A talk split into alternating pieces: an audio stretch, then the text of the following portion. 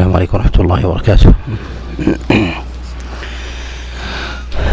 الحمد لله رب العالمين وصلى الله وسلم وبارك على نبينا محمد وعلى آله وأصحابه ومن تبعهم بإحسان إلى يوم الدين أما بعد.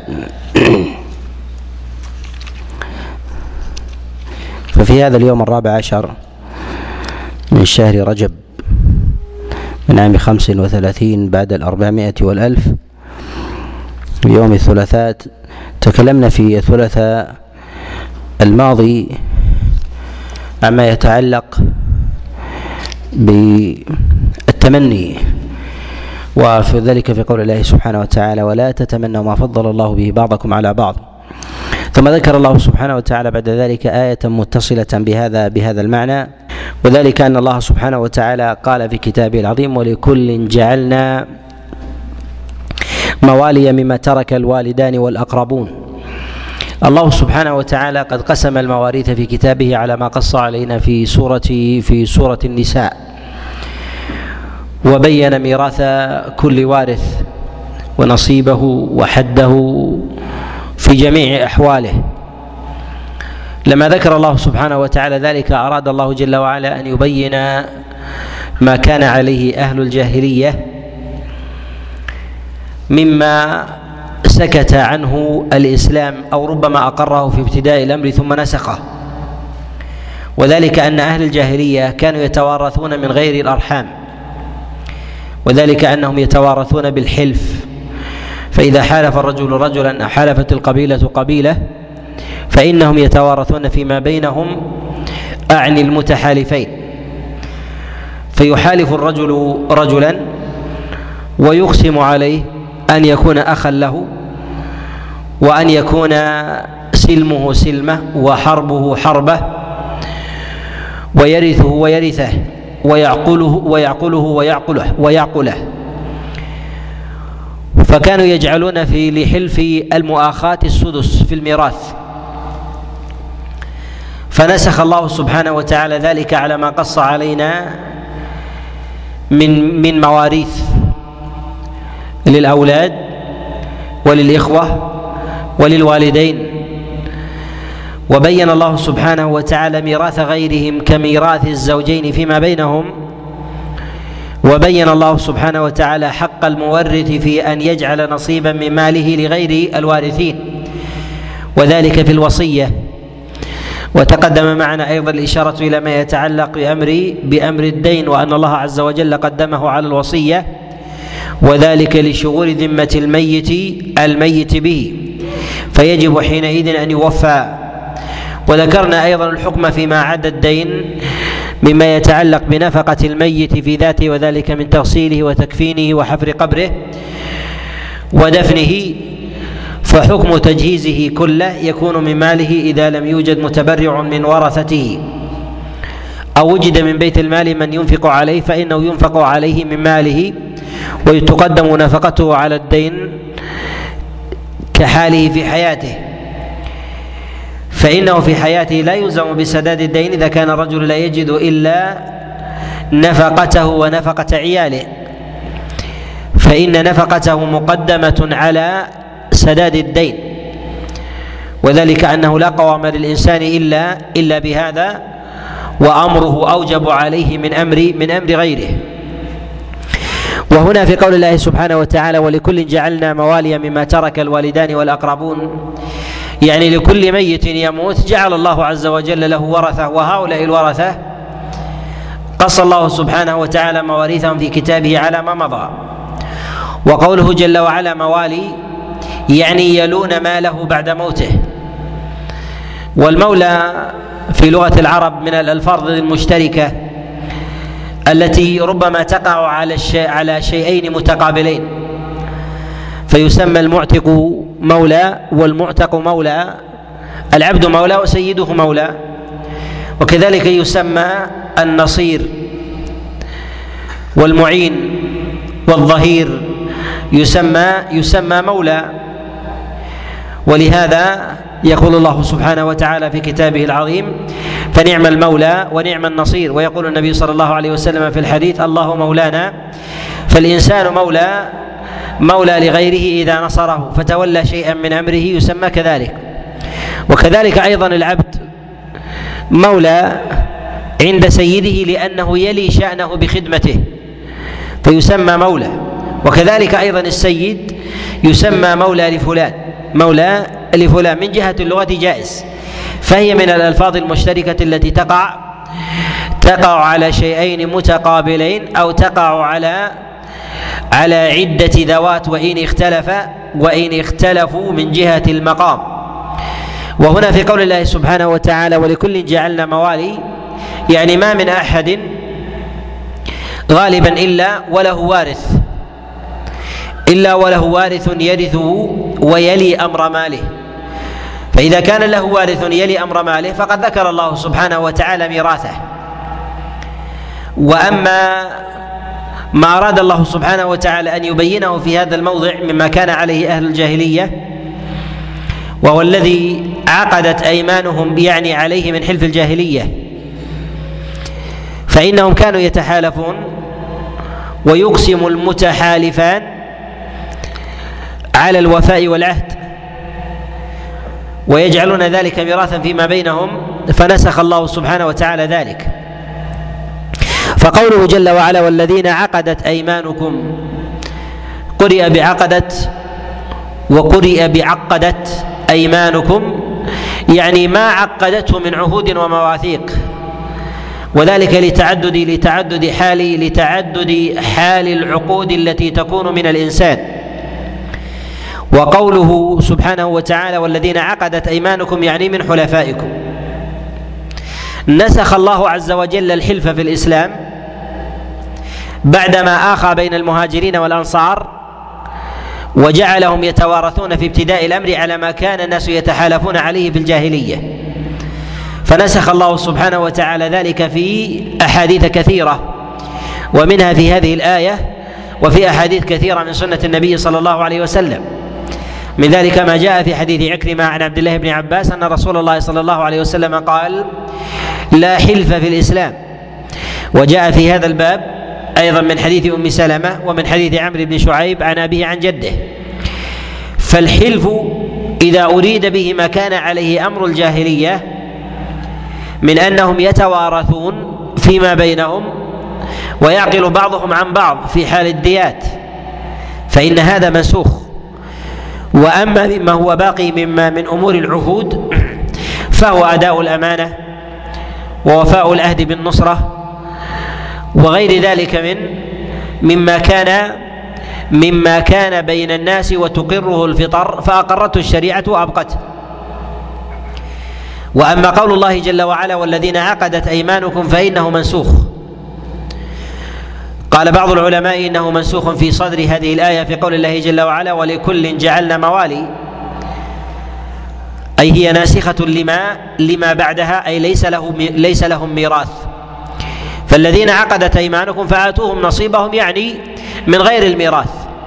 إن شئت وصية توصي له فالأمر إليك.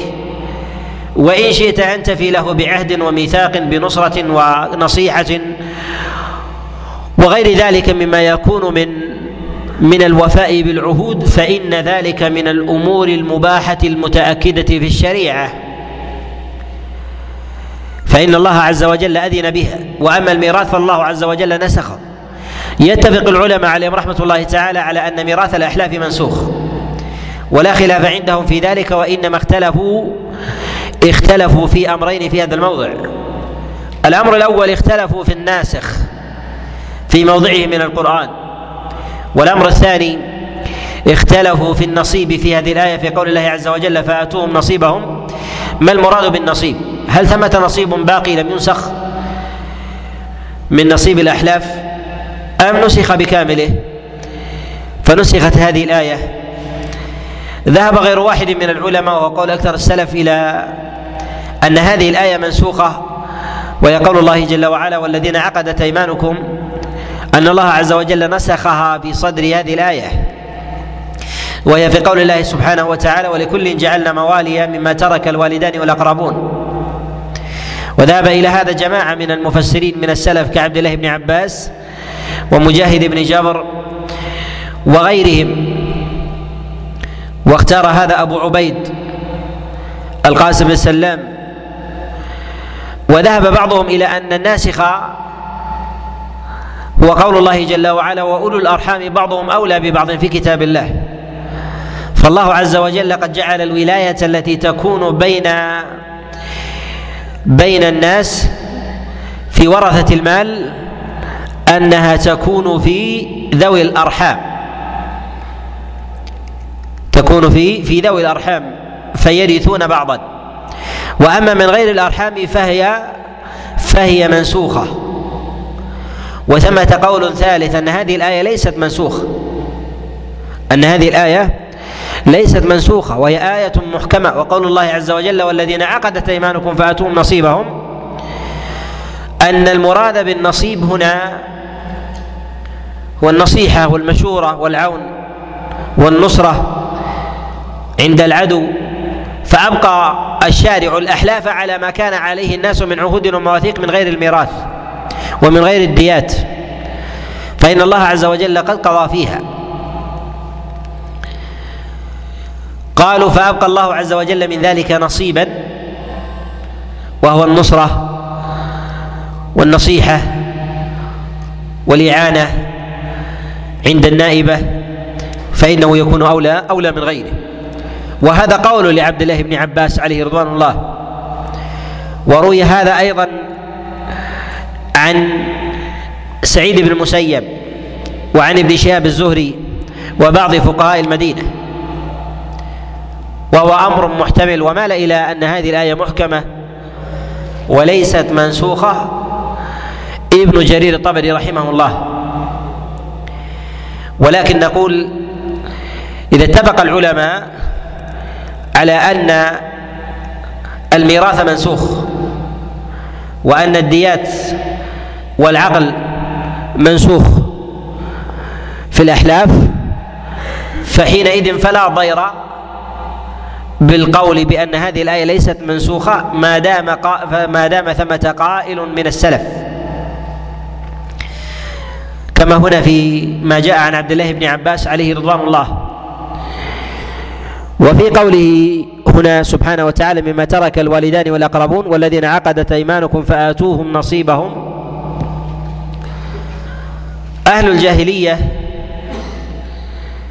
كانوا على أمر وعلى صورة في حلفهم عند خوفهم من بعضهم يتحالف الرجل مع رجل يطمئن إليه والقبيلة إلى قبيلة تطمئن إليها ليعبد بعضهم بعضا فيجعل الله عز وجل ذلك سببا فيجعل الله سبحانه وتعالى ذلك سببا في دفع المفاسد والشر عن الناس.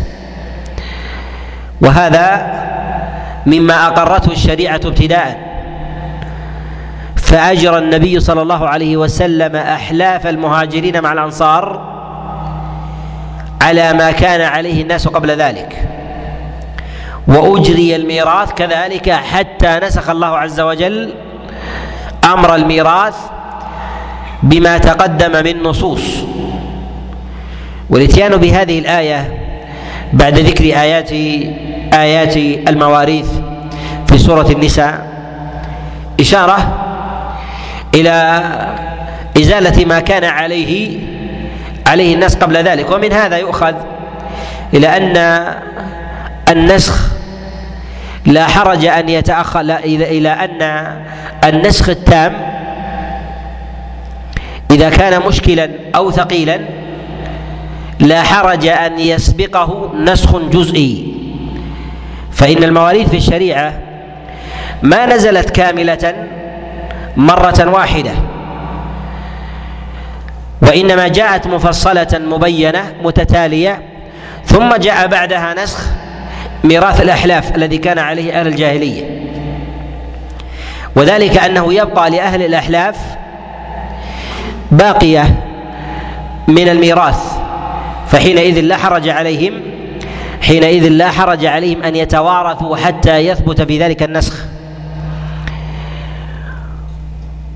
وأما من قال بعدم نسخها فيدخل معها الوصية. فمنهم من يقول إذا تحالف اثنان تأكد لأحدهما أن يوصي للآخر بشيء من ماله. قال وذلك هو المراد من قول الله عز وجل فآتوهم نصيبهم. فهو يوصي له بشيء من ماله لا يزيد عن الثلث إذا كان لا يضر ذلك بالورثة. وهذا ذهب إليه بعض السلف كابن شهاب الزهري وغيره. وهنا في قول الله سبحانه وتعالى إن الله كان على كل شيء شهيدا. إشارة إلى معنى وحكمة ربما يغفل عنها السامع عند ورود النسخ لعمل كان كان عليه. وهذا العمل الذي كان عليه أهل الإسلام في مؤاخاته ابتداء وما كان عليه أيضا أهل الجاهلية في مؤاخاتهم من غير مؤاخاة النبي عليه الصلاة والسلام يستحضرون ما كان بينهم من مودة ونصرة. فكيف يعطى رحم بعيد؟ يؤذي أو يحارب ويقتل ويمنع حليف يواد ويناصر من عاد ويعقل عند الدية ويقوم بما لم يقم به الأخ. فربما استثقلوا ذلك. فبين الله سبحانه وتعالى أن الله عز وجل كان على كل شيء شهيدا يعني يشهد تلك الأحوال التي عقدتموها. والله يعلمها. وشهدها واحدة واحدة وما خافي عليه شيء من أمرها ومع ذلك قضى الله سبحانه وتعالى بما قضى. وذلك أنه لا يصلح الناس إلا إلا ذلك. والشهادة تكون على الشيء الحاضر والعلم يكون على الشيء الحاضر والغائب. على الشيء الحاضر والغائب. فلا تقول إن الله سبحانه وتعالى شهيد على شيء على شيء مستقبلي على شيء مستقبلي. ولكن الله سبحانه وتعالى يعلمه سبحانه فإذا وقع فالله عز وجل شهيد عليه. وما مضى فالله عز وجل شهيد عليه وما وقع حالا فالله عز وجل شهيد شهيد عليه كذلك.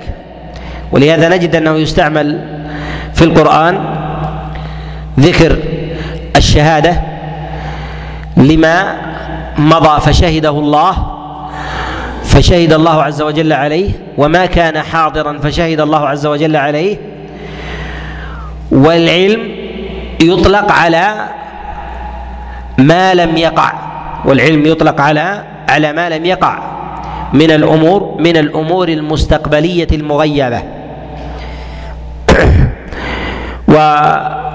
والعلم يجوز إطلاقه على ما مضى وعلى ما وقع وعلى المستقبل الذي الذي لم يقع. فيطلق فلله عز وجل في ذلك العلم الكامل. ولله عز وجل العلم العلم الكامل. وهنا يقول الله عز وجل في الآية الثانية الرجال قوامون على النساء بما فضل الله بعضهم على بعض.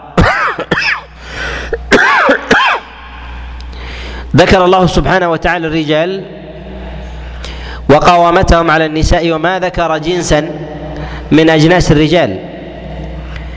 وذلك أن أجناس الرجال أنواع منهم الآباء والإخوة ومنهم الأزواج ونحو ذلك وإنما أراد الله سبحانه وتعالى جنس الرجال لتعم الجميع.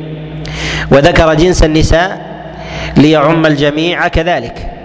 وذلك أن الرجال قوامون على النساء وإن وإن اختلفت أحوالهن واختلفت أحوالهم فلا بد للمرأة من من قيم عليها. فلا بد للمرأة من قيم من قيم عليها. وقيمها أقرب الناس إليها من أرحامها ما لم يكن وما لم يكن لها زوج. فإذا كان لها زوج فقيمها في ذلك زوجها. فقيمها في ذلك زوجها. والرجل الواحد يكون قيما على جماعة من النساء ولو كثرنا. ولهذا يقول النبي صلى الله عليه وسلم يكون لخمسين امرأة قيم واحد. والقوامة في قول الله سبحانه وتعالى الرجال قوامون على النساء. المراد بالقوامة هي الولاية. والولاية والقوامة في الشريعة على نوعين. ولاية عامة وقوامة عامة وولاية خاصة وقوامة خاصة. أما الولاية العامة فتكون والقوامة العامة هي التي تكون على شخص لا يملك التصرف بحال. وذلك كالطفل الصغير والمجنون والأسير الذي لا يملك التصرف بنفسه فضلا عن غيره فيحتاج إلى قوامة في أمره من جهة تزويجه والقيام بشأنه بماله وولده وميراثه وكذلك تجارته ونحو ذلك فتلك قوامة قوامة عامة. وأما القوامة والولاية الخاصة فهي تكون في من لا يحسن أو لا يستطيع التصرف في بعض شأنه في بعض شأنه. وهذه تكون مثلا في في اليتيم في ماله. أو في السفيه في الحجر عليه أيضا أيضا في ماله.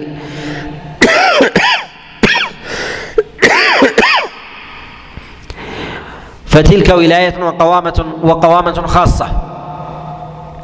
والذي ذكر الله سبحانه وتعالى في هذه الآية هي القوامة والولاية الخاصة. وولاية الرجل على المرأة ولاية خاصة لا ولاية عامة لا ولاية عامة. فلها ذمتها من جهة تصرفها بمالها ببيع وشراء ببيع وشراء وتصرفها كذلك وكذلك تصرفها في شأنها في خاصة في خاصة أمرها مما أباح الله عز وجل لها من أمر مأكل وملبس ومسكن ومشرب مما لا يخالف أمر الله سبحانه وتعالى في ذلك. وهنا في قوله الرجال قوامون على النساء بما فضل الله بعضهم على بعض. التفضيل الذي ذكره الله سبحانه وتعالى في هذه الآية نستطيع أن نقول إنه على نوعين. تفضيل فطري وهذا نوع والنوع الثاني تفضيل مكتسب. أما التفضيل الفطري ما فطر الله عز وجل عليه الرجال من بسطة في الجسم وقوة وعزيمة ورباطة جأش وصبر وتحمل لا يكون في النساء. فهذا شيء قد جعله الله عز وجل في الرجال ليس في النساء. فسماه الله عز وجل فضلا. والفضل في لغة العرب الزيادة. فزاد الله عز وجل في فطرة الرجل شيئا ليس ليس عند المرأة. وأما بالنسبة للمكتسب فهو السعي والضرب في الأرض. فقد جعل الله عز وجل عليه جعل الله عز وجل عليه تكليفا خاصا أن يقوم بشأن المرأة بالنفقة والتكسب. وهذا أمر اختياري. أما الأول فلا اختيار للإنسان فيه. فطر الله عز وجل الرجل الرجل عليه حينما حينما خلقه. وأما الثاني فهو مكتسب وهو مأمور به شرعا.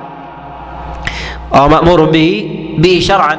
فيجب عليه فيجب عليه أن يكتسب وأن يسعى لينفق على على المرأة. وبهذا نعلم أن الله سبحانه وتعالى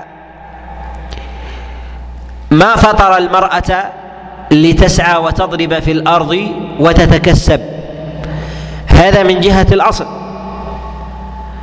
وإنما فطر الرجل للسعي والضرب في الأرض ليتكسب. مع أنه لا يحرم على الرجل ألا يضرب إذا كفي. ولا يحرم على المرأة أن تضرب على الأرض ولو ولو كفيت ولو ولو كفيت.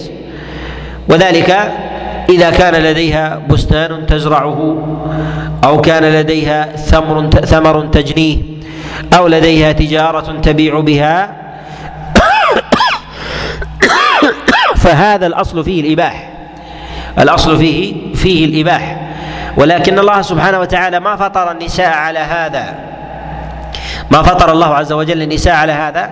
فجعل الله جل وعلا الحكم الشرعي متعلقا بالفطرة التي فطر عليها بالفطرة التي فطر عليها الرجل والمرأة. ففطر الله الرجل على السعي فأمره بالسعي والتكسب. وفطر الله المرأة على عدم السعي والتكسب فأمرها بالقرار فقال وقرن في بيوتكن. وحث الله عز وجل النساء على عدم الخروج إلا لحاجة. كما جاء في الصحيح من حديث عائشة عليه رضوان الله تعالى أن رسول الله صلى الله عليه وسلم قال لأمهات المؤمنين قد أذن الله لكن بالخروج لحاجتكن. ودلالة الخطاب في ذلك أن المرأة لا تخرج إلا إلا لحاجة وذلك لي لتبضع لا لا يقضى لها وكذلك أيضا في زيارة رحمها وعيادة مريضها أو زيارة جارتها أو حضور ما يستحب ويتأكد في ذلك من وليمة نسائها ونحو ذلك مما مما أباحه الله سبحانه وتعالى وأحله. وأما بالنسبة للضرب في الأرض والغدو من الصباح والعودة من والرواح من العشي وكذلك الأسفار ونحو ذلك فقيد الله عز وجل المرأة بأحكام وأطلق الرجل وأطلق الرجل في هذا ليتناسب الأمر إلى إلى فطرته ليتناسب الأمر إلى إلى فطرته. فكانت الشرعة مناسبة للفطرة. فكانت الشرعة مناسبة للفطرة مكملة مكملة لها. وقوله جل وعلا قوامون يقول عبد الله بن عباس عليه رضوان الله يعني أمراء يأمر الرجل امرأته في طاعة الله وطاعة وطاعة الله في هذا يعني ما يرضيه. كما روى ابن جرير الطبري وغيره من حديث علي بن أبي طلحة عن عبد الله بن عباس أنه قال في قول الله عز وجل قال الرجال قوامون على النساء قال أمراء عليهن. يأمرونهن بطاعة الله يأمرونهن بطاعة بطاعة الله. وهنا أمر وهو إذا أمر الرجل المرأة بغير ما أمر الله سبحانه وتعالى به من المباحات بغير ما أمر الله عز وجل به بما أمر الله عز وجل به من من الطاعات. فهل يتحول المأمور به من مباح إلى واجب لمجرد أمره لمجرد لمجرد أمره أم لا؟ نقول إذا كان الأمر في ذلك إذا كان الأمر في ذلك فيه مصلحة. يقول العلماء إذا كان الأمر في ذلك فيه مصلحة له ومصلحة لماله وولده وأهله فإنه يكون واجبا. ومن يقول إن الأمر إذا كان من الزوج لزوجه لا يجب إلا إذا كان بطاعة الله فنقول طاعة الله واجبة لا تحتاج إلى زوج. لا تحتاج إلى زوج يأمر. فالخصيصة في قوله الرجال قوامون على النساء دليل على مزية وخصيصة دل الدليل دل الدليل عليها دل الدليل عليها وهنا فيما ذكر الله عز وجل بما فضل الله بعضهم على بعض. هذا التفضيل هل له أثر في الثواب والعقاب؟ هل له أثر في الثواب في الثواب والعقاب؟ تقدم معنا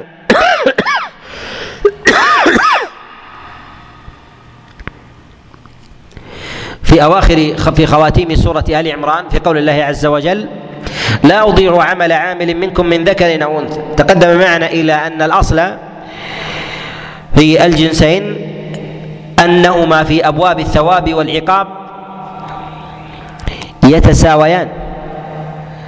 وذلك أن الله جل وعلا قد جعل مقام الحسنات والسيئات مقدرة من غير من غير نظر إلى العاملين إلى العاملين العاملين بها.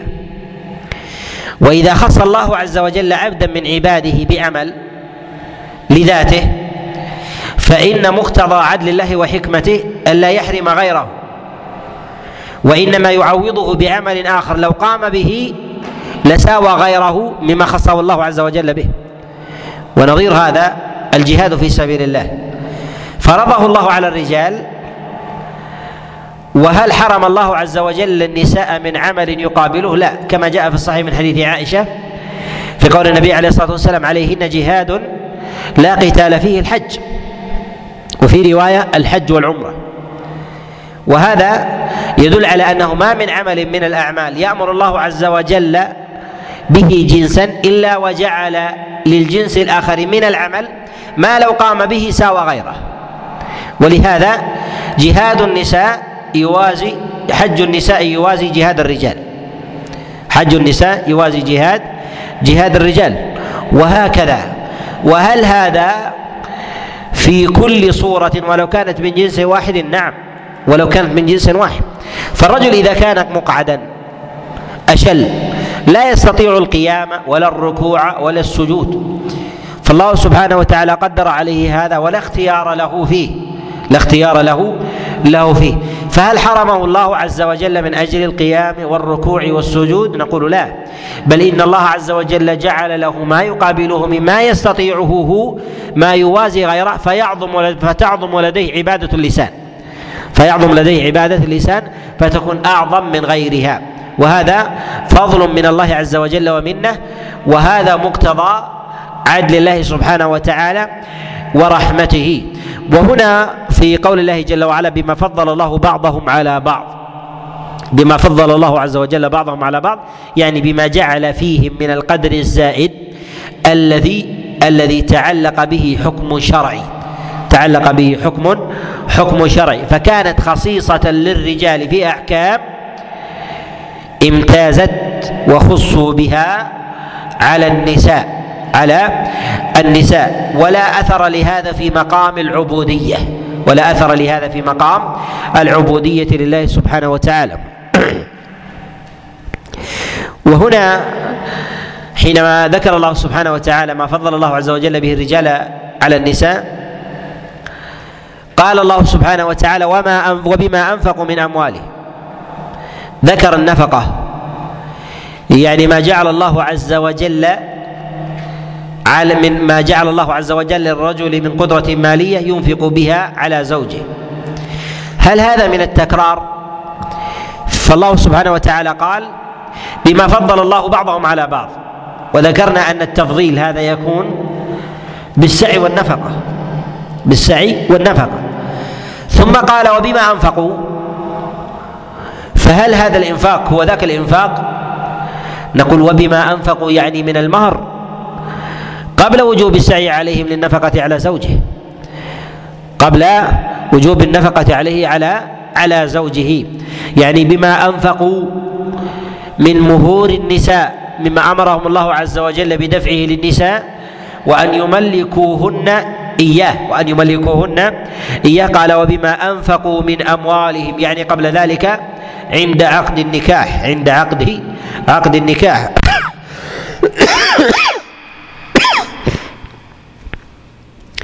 وإنما جعل الله سبحانه وتعالى القوامة للرجل على المرأة في شأنها أن المرأة بطبعها الضعف ونجد أن الشريعة تجعل القوامة والولاية في مواضع الضعف لا في مواضع القوة وأن الضعف في ذلك ما هو فطري ومنها ما هو ما يمكن تقويته ولكن الشريعة لا تتشوف إلى هذا. فتجعل الشريعة الكمال في هذا للرجال فيكمل ما فات من أمر النساء. وذلك أن المرأة إذا أذن لها أن تعقد لنفسها في زواجها ضاع من حقها من مهرها حياء أو ربما عاطفة أو ميل الجنسين أفقدها اشتراطها فجعل الله بين الزوجين رجلا. بين الزوجين رجلا. لا يجد ما تجده المرأة إلى الرجل ليحفظ حقها الذي غاب تحت ستار العاطفة. تحت ستار العاطفة. وهذا ليس تخوينا للرجل بذاته فربما تصرف الرجل وهو الزوج الخاطب لميله إلى المرأة أو لطمعه من غير أن يقدر الأمور. ولهذا نجد أن الشريعة حينما جعلت الرجل الرجل ولي على المرأة ليزوجها نجد أنه وليها الآن ثم عقد عليها فانتقلت الولاية إلى إلى رجل يحتاج إلى ولي. إلى رجل يحتاج إلى ولي مع هذه المرأة. وهذه السرعة في ذلك يعني أنه ضمن الحق فلا خوف عليه حينئذ فتجد أن الزوج بعد ذلك يدافع عن المرأة أكثر ربما من ابيها أكثر من من ابيها بخلاف قبل بخلاف قبل العقد. وهذه أمور فطرية قدرتها الشريعة فجعلت جانب الولاية في ذلك حاضرا في الولي ابتداء وهو الأب والأخ فإذا تم عقد الزوجية انتقلت من الأب والأخ إلى إلى الزوج. كذلك عتيبي.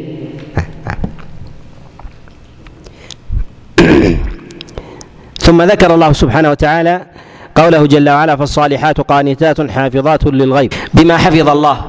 إنما ذكر الله سبحانه وتعالى الحافظات الصالحات القانتات حافظات الغيب ذكر الله سبحانه وتعالى إياهن قبل ذكر الناشزات.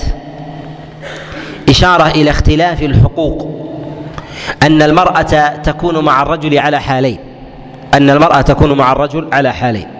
الحالة الأولى صالحة قانتة حافظة. فهذه للرجل أن يكرمها وأن يحسن اليها فالنوع الأول هي المرأة الصالحة القانتة الحافظة. فإن الله سبحانه وتعالى قدمها على غيرها لحقها وفضلها وجوب الإحسان إليها وعدم أذيتها بما يذكره الله سبحانه وتعالى بعد ذلك للمرأة الناشز. وذلك أن الله سبحانه وتعالى حث الزوج أن يعظ المرأة الناشز ثم يهجرها ثم يضربها على الوصف الذي يأتي يأتي الكلام عليه. أن هذا للناشز لا للمراه الصالحة القانتة. لا للمراه الصالحة القانتة. وفي هذا أنه ينبغي للزوج أن يقدم حظ الله وحقه على حظ العبد والزوج وحقه. ولهذا لما ذكر الله سبحانه وتعالى أمر المرأة الصالحة قال صالحات قانتات حافظات. والقنوت متعلق في جانب الله سبحانه وتعالى والأصل أن المرأة إذا كانت صالحة في حق الله عز وجل أن تكون صالحة في حق في حق زوجها وقوله حافظات للغيب بما حفظ الله. حافظات للغيب يعني لشأن لشأن الزوج في حال غيبته. لا تسرفوا في ماله ولا تدخل داره من لا من لا يرضى. لا تدخل داره من لا من لا يرضى. فتكون في غيبته كحاله كحاله لمشهده بما حفظ الله يعني بما حفظهن الله عز وجل بدينه فحفظن أزواجهن. ثم ذكر الله سبحانه وتعالى النوع الثاني من النساء وهي المرأة الناش وهي المرأة الناش قال واللاتي تخافون نشوزهن فعظوهن. وهنا في ذكر الله عز وجل لخوف النشوز في قوله واللاتي تخافون نشوزهن. هل يعني ذلك أن الإنسان يتحين أمارة النشوز فيبادر ب فيبادر بما أمر الله سبحانه وتعالى به أو ينتظر النشوز؟ نقول إذا ظهرت أمارات النشوز أو علاماته يبدأ بالوعظ يبدأ بالوعظ ويحرم عليه الهجر ويحرم عليه الهجر وكذلك الضرب من غير من غير نشوز لأن هذا إضرار إضرار بالزوجة لأن هذا إضرار إضرار بالزوجة فالله سبحانه وتعالى قيد ذلك قيد ذلك بنشوزها. والنشوز في هذا هو الارتفاع في لغة العرب. نشزت المرأة يعني ارتفعت على زوجها وهذا فيه إشارة إلى المعنى السابق في قوله بما فضل الله بعضهم على بعض. يعني أن الله عز وجل جعل هذا القدر للرجل على المرأة فزاد عليها بسطة في في بدنه وبسطة أيضا فيما أمره الله عز وجل بالتكسب والسعي في الأرض فهذا مقدار جعله الله عز وجل عليه. ثم ذكر الله سبحانه وتعالى سبب النشوز أنها رفعت نفسها على زوجها. رفعت نفسها على على زوجها. وبه نعلم أن من أسباب نشوز النساء من أسباب نشوز النساء اختلال جانب الفطرة لديهن وأن يجعل وأن يجعل أمرهن في الضرب والسعي في الأرض كأمر الرجال كأمر الرجال. وهذا ما أخذته الأمة الإسلامية من الأمم الغربية من الأمم الغربية. فجعلوا المرأة في باب الوظائف ك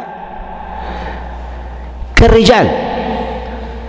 الله سبحانه وتعالى لما ذكر آدم وحواء وحذرهم الله سبحانه وتعالى من إبليس قال جل وعلا فلا يخرجنكما من الجنة فتشقى. من الذي يشقى؟ لماذا قال يخرجنكما؟ ها؟ جميعا ها؟ آدم وحواء. من الذي يشقى؟ يشقى آدم. يشقى آدم. لماذا أفرد بالخطاب في الشقاء؟ آدم. مع أن الخروج للجميع من الجنة إلى إلى الأرض. والشقاء جاء إلى آدم. لماذا؟ لأنك أنت الذي تضرب. كنت في الجنة مكفيا. كنت في الجنة مكفي. يأتي تؤتى بالطعام والشراب لك ولزوجك. في الدنيا تشقى أنت وهي على ما كانت عليه تنتظر منك. بدلا من أن تكفى من الله عز وجل بما هيأ الله من أسباب في الجنة أنت الآن الذي تسعى تسعى فيها. اختل هذا النظام. الآن نظر إلى الجنسين على أنهما سواء. فتقوم المرأة فتقوم المرأة بالسعي والضرب في الأرض كالرجل وتتوظف كالرجل ويسعى إلى مساواتها في الوظائف ويجعل نسب وظيفية لابد بنسبة كذا. من الوظائف السنوية أو في المؤسسات أو في الشركات هذه نزعة مخالفة للفطرة. هذه نزعة مخالفة للفطرة. ودعوة أيضا إلى إخراج المرأة من قرارها. إخراج المرأة من من قرارها وهو من أعظم أسباب النشوز. وهو من أعظم أسباب أسباب النشوز. أن أن ترى المرأة كالرجل فلم فلا يكن حينئذ فضل كما في قول الله عز وجل بما فضل الله بعضكم على بعض. لا يوجد فضل إذا كانت تضرب في الأرض وتسعى وتفعل ما يفعله الرجال. وهذا من أعظم انتكاسة الفطر أن يكون في بلدان المسلمين في جوانب العمل وجوانب التوظيف وجوانب البطالة وجوانب البطالة. ينظر إلى إلى جانب الرجال وجانب النساء على حد سواء من غير تفريق لجانب الفطرة. يجب على الزوج أن يتكسب ولا يجب على المرأة ولكن لو عملت تعمل باختيارها. لو عمل عملت تعمل تعمل باختيارها. وأن لا يكون هناك دعوة لاستقلالها بعملها فهذا مخالف للفطرة ومخالف لأصل القوامة مخالف لأصل القوامة. وهذا سبب كثير من النشوز سبب كثير من من النشوز. الذي يقع في المجتمعات وفي قول الله سبحانه وتعالى والتي تخافون نشوزهن فعظوهن واهجروهن في المضاجع. ذكر الله سبحانه وتعالى الوعظ. قد جاء عن مجاهد بن جبر وغيره قال هو قوله لها اتق الله وخاف الله. يعني فيما تقع فيه من التفريط في حق زوجها أو في حق الله. أو في حق الله سواء كان ذلك من تقصير في عبادتها في أمر ربها أو في حق زوجها في أمر ماله وولده ونفسه فيأمرها ويعظها. وهنا ذكر الله سبحانه وتعالى الوعظ والهجر وما ذكر الله عز وجل الزمان وذلك لاختلاف الأحوال. فكم مدة يعظ؟ ويتربص في حال المرأة استصلاحا نقول ينظر في ذلك بحسب قدر المخالفة. من المخالفة والنشوز ما يقتضي في ذلك المعاجلة بالفراق ومنها ما يحتاج إلى صبر. وأحوال الأزواج أيضا تتباين. زوج له ذرية وزوج ليس له من زوجه ذرية وهكذا. فالأمر في ذلك يتباين يقدر في هذا أهل العقل والحصافة والحكمة والدراية في مثل هذا في مثل هذا الأمر. قال فعظوهن واهجروهن في المضاجع والهجر هو المفارقة ولكن حده الشارع بحد كما جاء في حديث بهز بن حكيم عن أبيه عن جده أن رسول الله صلى الله عليه وسلم قال لا تضرب الوجه ولا تهجر ولا تقبح إلا في البيت إلا إلا في البيت فالهجران يكون في بيتها يعني في بيت في بيت زوجها. وقد جاء عن عبد الله بن عباس فيما رواه علي بن أبي طلحة عن عبد الله بن عباس قال يهجرها في فراشه يعني لا يواقعها وإنما يهجرها في معشرها في فراشه. ولهذا نقول إنه ينهى في هجر الناشز المفارقة من الدور. لماذا؟ لأن هذا يسقط حقها بأمنها فلا تبقى في مأمن في دارها وولدها أو نحو ذلك. فيجب عليه أن يكون حاضرا في داره عند أهله في ليلهم ولكن الهجر يكون في الفراش. الهجر يكون يكون في الفراش. كذلك أيضا مقدار الهجر ومدته في مثل هذا الجماع. في هذا تقدم معنا الإشارة إلى هذا في الإيلاء.